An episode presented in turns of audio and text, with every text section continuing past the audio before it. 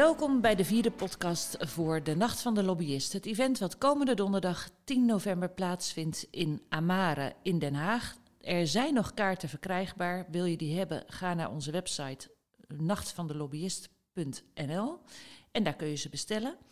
In deze podcast praat ik met Alice Eisenberg, assistant professor van de Universiteit Leiden, over de, een van de deelsessies die we hebben, media en lobby.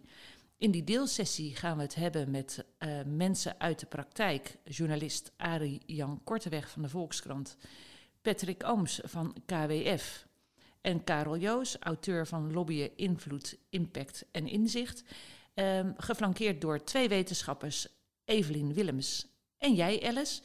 Uh, over wie agendeert nou uh, wat, op, wat nieuws wordt in de media. de lobbyist of is dat toch iemand anders? Um, in deze deelsessie, uh, Alice, gaan wij het meer hebben over de wetenschappelijke kant uh, van dit onderwerp. Uh, en waarom de Nacht van de Lobbyist, met de Nacht van de Lobbyist hebben we als doel wetenschap en praktijk bij elkaar brengen, kennis en nieuwe inzichten delen en de rol van lobby binnen onze democratie bespreekbaar maken. En daarom is het heel fijn, Alice, dat wij nu gaan praten over het wetenschappelijk perspectief van media en lobby. Wie agendeert? Alice, Kun je uh, wat vertellen? Je, je, vertelde net van, uh, uh, ik ben universitair docent bij de Universiteit Leiden. En daar doe ik een onderzoek. Vertel eens wat over je onderzoek. Ja, dankjewel. veel dank dat ik hier mag zijn. Um, ja, mijn onderzoek gaat um, in brede zin over belangenvertegenwoordiging, lobbyen en ook percepties van legitimiteit onder burgers. Um, en het onderzoek ja, heeft een vrij uh, brede insteek. Dus ik doe onderzoek naar uh, de toegang die georganiseerde belangen uh, bijvoorbeeld krijgen, maar ook de verschillende strategieën die ze gebruiken um, en waarom. Um, en um, ja, dat kan bijvoorbeeld zijn in de context van uh, uh, COVID. Dus ik ben nu uh, bezig met een aantal collega's met een breder onderzoek in verschillende landen naar hoe COVID belangenvertegenwoordiging heeft beïnvloed. Um, en mijn promotieonderzoek ging bijvoorbeeld over de toegang die bedrijven verkrijgen tot de politiek en de media ook. Um, en um, de insteek van mijn proefschrift was heel erg uh, uh, longitudinaal, dus over tijd. Dat is een onderzoek vanaf 1970, maar ook um, uh, heb ik gekeken naar verschillende landen en eigenlijk verschillende arena's. dus bijvoorbeeld de media, maar ook meer echt, ja, bijvoorbeeld in parlementaire hoorzittingen. en dan heb, ik een, heb ik met name gekeken naar bedrijven. En kun je, kun je zeggen dat dat verandert, verandert natuurlijk hè, in de loop van de tijd. Want we hebben heel veel nieuwe mogelijkheden gekregen om mensen te bereiken. Uh, wat, wat, wat is daarvoor voor jou uit het oog springend? Is het nog steeds dat zeg maar, uh, de lobbyist van het bedrijfsleven machtig is? Of is die macht verschoven naar bijvoorbeeld burgergroepen door grassroots initiatieven? Andere deelsessie overigens. Maar... Ja, ja, wat we eigenlijk uit onderzoek zien is dat um, als het om toegang gaat, uh, is het heel vaak zo dat uh, uh, bedrijfsbelangen, dus zowel associaties, maar met name individuele bedrijven, meer toegang krijgen dan bijvoorbeeld andere groepen, zoals NGO's. Um, dus daar, daar zie je vaak een hele ja, scheve verdeling eigenlijk. Uh, maar dat wil nog niet uh, echt iets zeggen over uh, de invloed die ze daadwerkelijk hebben. Um, en um, als we kijken naar, naar de media, dan is het bijvoorbeeld ook zo dat we vaak echt een, een, scheve verdeling zien. En dan in het, in het specifiek zijn het vaak de bedrijfsbelangen die dan ook ja, het meeste aandacht krijgen in vergelijking tot andere groepen. En hoe komt dat dan? Wat is daar de reden van? Ja, uh, dat, dat, kunnen, uh, zeg maar, daar is niet zozeer een eenduidig antwoord op. Uh, er zijn verschillende verklaringen voor. Um, en ik denk, um, als we het hebben over, over de media, hè, nu in het specifiek, dat is eigenlijk een vraag die me heel erg bezig heeft gehouden. Want in de literatuur um, gaat het heel erg vaak over dat ehm, bedrijf, voor bedrijven ehm, is het eigenlijk helemaal niet zozeer handig om veel in de media te staan. omdat ze dan eigenlijk ja, een, een risico lopen. Omdat zij eerder ten opzichte van andere georganiseerde belangen uh, ja, eerder het risico lopen dat zij kritiek krijgen vanuit de samenleving over uh, hun, hun legitimiteit in, mhm. in die discussie eigenlijk. Um, ja, en het, het, gaat dan misschien ook sneller dat je de zweem van achterkamertjes politiek krijgt, of niet, voor zo'n bedrijf? Kan ik me voorstellen. Dat ze dat verwijt krijgen. Ja, ja dus eigenlijk um, ja, wordt er vaak in de literatuur gezegd dat het voor bedrijven het fijnst is um, als zij uh, de, de scope of participation, dus de omvang van de participatie, klein houden. Mhm. Dus dat het inderdaad um, uh, niet zozeer echt in het macropolitieke domein, uh, dat ze daar lobbyen, want daar zo vergroot je eigenlijk die, die scope of participation, maar dat ze het juist klein houden. Um, en zo kunnen ze de, eh, de, status quo beter behouden. Zo is de kans minder groot dat er andere georganiseerde belangen bij komen. En is de kans ook minder groot dat de media erover gaat schrijven. Hè, dat er vragen in de Kamer worden gesteld.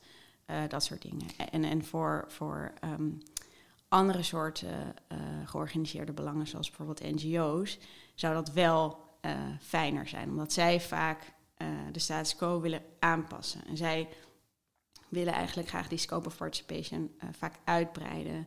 En, um, ja, want hè, dus eigenlijk, je kan zeggen, een bedrijf is eigenlijk gewoon op zichzelf gericht, hè? dus op zijn eigen belang. Terwijl een NGO juist er is om een groter belang te dienen. Is, is dat het wel, wat het verschil maakt? Ja, onder andere. Uh, kijk, bedrijfsbelangen worden ook um, op verschillende manieren vertegenwoordigd. Dus je hebt een associatie. Ehm, en individuele bedrijven die mhm. lobbyen. En um, ja, wat ik zelf altijd heel uh, belangrijk vind qua onderscheid om te noemen, is dat een, een associatie, zoals de VNO, kijk, zij hebben een achterban. Mm en uh, zij vertegenwoordigen uh, verschillende belangen van verschillende organisaties. en dan is het vaak zo, hè, als, er dan, als het dan gaat over een kwestie. Um, dan moet daar eerst over gesproken worden en dan moeten ze samen een, een, uh, een overeenstemming vinden over een bepaalde kwestie. En bij bedrijven is dat anders als zij op individueel niveau gaan lobbyen, omdat ze dan, uh, ja, dan hebben ze niet die dynamiek. Maar in de literatuur zien we ook, uh, ja, er wordt het ook het argument gemaakt, en dat maak ik ook zelf, dat zij, als ze zelf lobbyen, dan kijken ze vaak, oké, welke belangen zijn voor ons op de korte termijn belangrijk om het bedrijf draaiende te houden. Mhm. Ehm, wat dan tegenover, ehm, ja, als het via een associatie gaat, um, dan is dat minder, uh, zien we die dynamiek minder vaak. En dan wordt er, wordt er ook vaak meer gekeken naar belangen die op de lange termijn belangrijk zijn. Dus voor uh, uh, ja, het bedrijfsleven, maar ook meer de samenleving. En ja, dat geldt natuurlijk al helemaal als we het over NGO's hebben.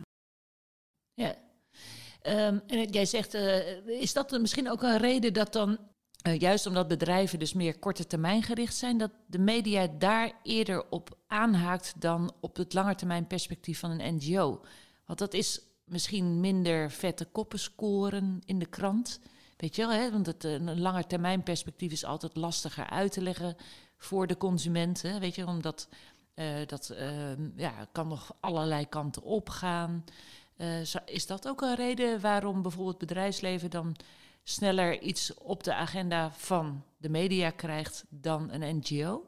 Individuele bedrijven kijken vaak naar inderdaad wat er op korte termijn belangrijk is voor het bedrijf. Um, als ze gaan lobbyen. Uh, maar als het via een associatie gaat, dan is dat minder zo.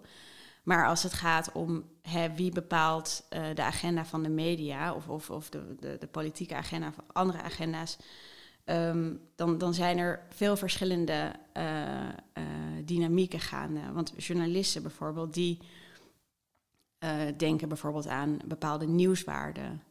Um, en um, als er bijvoorbeeld iets gebeurt in de wereld, en een journalist die hoort daarvan, die hoort daarover, dan heeft de journalist best wel veel macht in het bepalen van oké, ehm, ja, voldoet deze gebeurtenis aan bepaalde nieuwswaarden. Um, dus bijvoorbeeld hebben we al eens eerder gehoord van deze kwestie of uh, is het dicht bij huis bijvoorbeeld? Uh, is de omvang groot? Gaat het om uh, belangrijke personen die we al kennen? En belangrijker nog, past het eigenlijk in het narratief? Mm-hmm. En als, dat, als die gebeurtenis in een breder, echt politiek narratief past, dan is het bijvoorbeeld uh, is de kans groter dat een politiek verslaggever daarover gaat schrijven. Ja, en je zei inderdaad terecht van hey, je hebt verschillende agenda's. Dus de mediaagenda, wat komt in de media, maar ook de politieke agenda niet geheel onbelangrijk. Um, want daar is natuurlijk de lobby ook uh, opgericht om dingen in de Tweede Kamer bespreekbaar te krijgen en het liefst om te zetten in wetgeving. Um, hoe is je ervaring? Daar heb je waarschijnlijk ook wel een gedeelte van je onderzoek naar gedaan, of, of weet je veel dingen van? Hoe is jouw ervaring daar? Dus um, als, je, als je kijkt naar wat nou bepaalt wat op de politieke agenda wordt komt. Is dat puur lobby of is dat ook juist onderzoek wat erachter zit? Dus als er een wetenschappelijke basis is, dat het makkelijker is om dingen bespreekbaar te maken, omdat de politiek zich dan comfortabeler voelt, omdat je kan teruggrijpen bijvoorbeeld op cijfers. Nou, heel actueel is nu op dit moment bijvoorbeeld uh, de opwarming van de aarde. Sharm el-Sheikh is vandaag begonnen, klimaattop. Uh, daar is natuurlijk enorm veel wetenschappelijk uh, onderzoek naar gedaan van wat dat is. Um, en toch is dat, weet je, het staat ook in Den Haag op de agenda, hè, weet je. Dat, en, en tegelijkertijd zie je dat het enorm complex is, omdat het met heel veel dingen samenhangt. Um, kun je daar iets over vertellen? Van wat werkt daar? Werkt het daar om um, dingen hoog op de politieke agenda te krijgen door echt aan te komen met wetenschappelijk onderzoek? Of is het juist een combinatie van wetenschappelijk onderzoek en laten zien wat het in praktijk uh, voor gevolgen heeft? Of is het alleen maar die praktijk bijvoorbeeld? Um, ja, daar heb ik niet zozeer een eenduidig antwoord op. Wat ik wel weet is dat uh, uh, expertise belangrijk is voor beleidsmakers. Um, want ja, tijd is schaars en dan is het fijn als er, als er mensen zijn die expertise hebben over een bepaald onderwerp.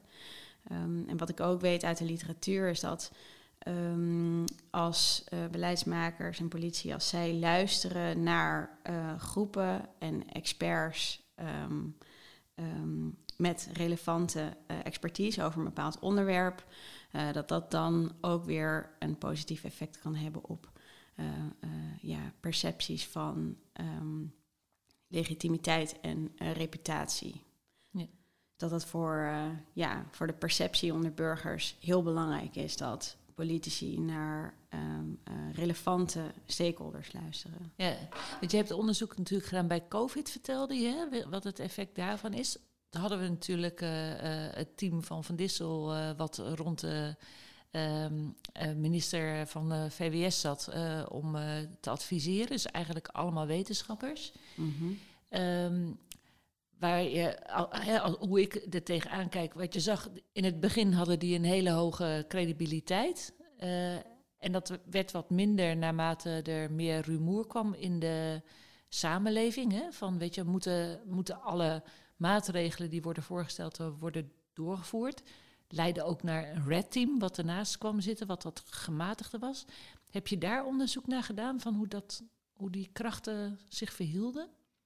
Nee, ik heb daar geen onderzoek naar gedaan. Ik geef daar wel onderwijs over. En ik denk echt dat dit een perfect voorbeeld is van uh, hoe een verschuiving kan plaatsvinden van hè, uh, uh, beslissingen die gemaakt worden in een kleine groep van experts.